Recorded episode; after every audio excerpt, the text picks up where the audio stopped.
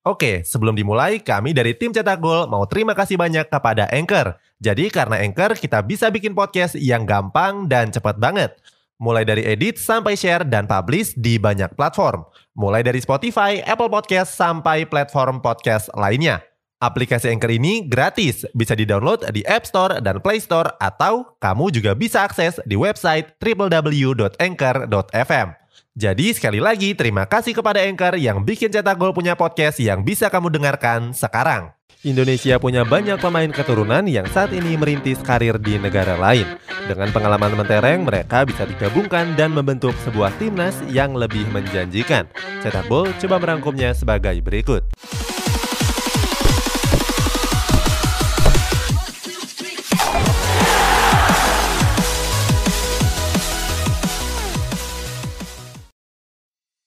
Pemain timnas di AFF tahun ini.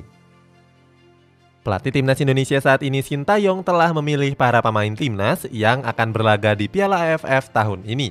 Nantinya mereka akan kembali diseleksi sampai menemukan racikan terbaik sebelum laga perdana menghadapi Kamboja. Inilah pemain timnas untuk posisi kiper.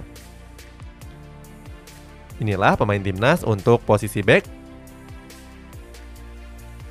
Yang ini adalah posisi gelandang dan ini adalah strikernya. Dengan nama-nama tadi, timnas bisa jadi lebih tangguh kalau digabungkan dengan pemain keturunan yang sedang dirumorkan. Di edisi kali ini, Cetak Gol coba memprediksi strategi dan pemain-pemain timnas kalau semuanya digabungkan. Strategi Sintayong Indonesia merupakan salah satu negara terluas dengan tradisi sepak bola yang kuat. Gak heran kalau Indonesia bisa melahirkan banyak pemain-pemain yang potensial. Sayangnya, buruknya sepak bola di Indonesia membuat mereka memilih berkarir di negara lain. Walaupun begitu, mereka berkesempatan untuk membela tim nasional Indonesia. Mengawali ulasan ini, kursi kepelatihan masih akan diduduki oleh Sintayong.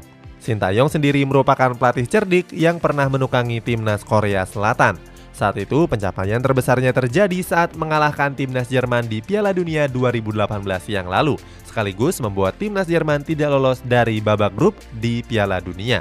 Untuk urusan strategi, Sintayong kerap menyesuaikan dengan lawan yang bakal dihadapi, salah satunya saat bertanding menghadapi Australia. Sintayong mengakui kalau pemain-pemain Indonesia punya kelemahan dalam segi fisik. Jadi Sintayong menerapkan strategi bertahan dan menunggu saat-saat untuk counter attack. Sementara itu, kalau dihadapkan dengan tim yang lebih lemah atau setara, tim nasional Indonesia wajib untuk terus menyerang.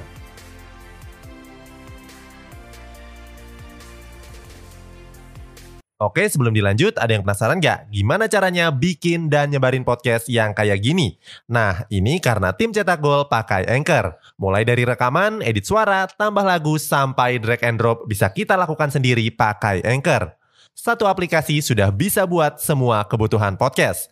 Bisa di-download dari App Store dan Play Store atau bisa juga diakses dari website www.anchor.fm. Terus yang terpenting, Anchor ini gratis. Download dan coba sendiri setelah tonton episode ini. Lini bertahan. Posisi penjaga gawang akan diisi oleh kiper utama Sampdoria saat ini yakni Emil Audero Mulyadi. Emil sendiri masih berfokus di Sampdoria untuk mengejar cita-cita memperkuat timnas Italia dan bermain di Piala Dunia. Akan tetapi, Gli Azzurri punya banyak kiper yang jempolan, salah satunya peraih Yasin tahun ini yakni Gianluigi Donnarumma. Bukan gak mungkin Emil akan berubah pikiran dan akan pulang ke tanah air. Sayang bapak dari Emil Audero lebih mendukung anaknya untuk memperkuat timnas Italia. Tapi bener nggak dia mau ke Indonesia? Mau bela timnas? Mimpi kali.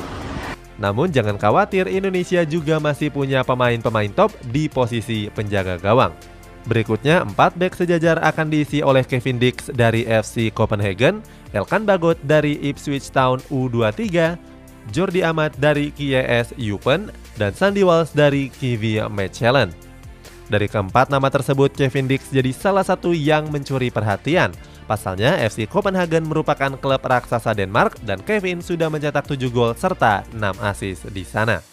Seandainya salah dua dari mereka berhalangan tampil, masih ada Misil Jers dan Asnawi Mangku Alam yang kualitasnya nggak diragukan lagi. Lini tengah Pindah ke lini tengah ada Rahmat Irianto, Ricky Kambuaya, dan Evan Dimas Darmono. Rahmat Irianto berperan sebagai gelandang bertahan yang memfilter serangan tim lawan. Berikutnya Evan Dimas bermain di pos gelandang tengah dan berperan sebagai pengatur tempo permainan. Menemani Evan Dimas ada Ricky Kambuaya yang bertugas menyisir lapangan. Ketiganya sudah teruji dalam beberapa pertandingan terakhir. Mereka mampu menjaga keseimbangan lini tengah baik saat menyerang maupun saat bertahan lini serang. Terakhir di lini penyerangan ada Witan Sulaiman, Egi Maulana Fikri, dan Ezra Walian. Trio ini memang jadi andalan baru dan masih belum tergantikan. Egi sendiri tampil apik bersama klubnya FK Senika. Selain tampil reguler, Egi juga berkontribusi besar. Pada laga terbaru menghadapi MS Kazilina, Egi juga mencetak dua gol. Sementara Ezra disebut sebagai striker idaman Sintayong. Pasalnya, tampil gacor dan mampu mencetak gol pada laga uji coba menghadapi Myanmar dan klub asal Turki yakni Antal Yaspor. Itulah starting lineup timnas Indonesia idaman seluruh masyarakat Indonesia. Tentunya dengan skuad ini Indonesia diharapkan bisa jadi lebih kuat dan tangguh untuk menghadapi lawan-lawan negara lainnya.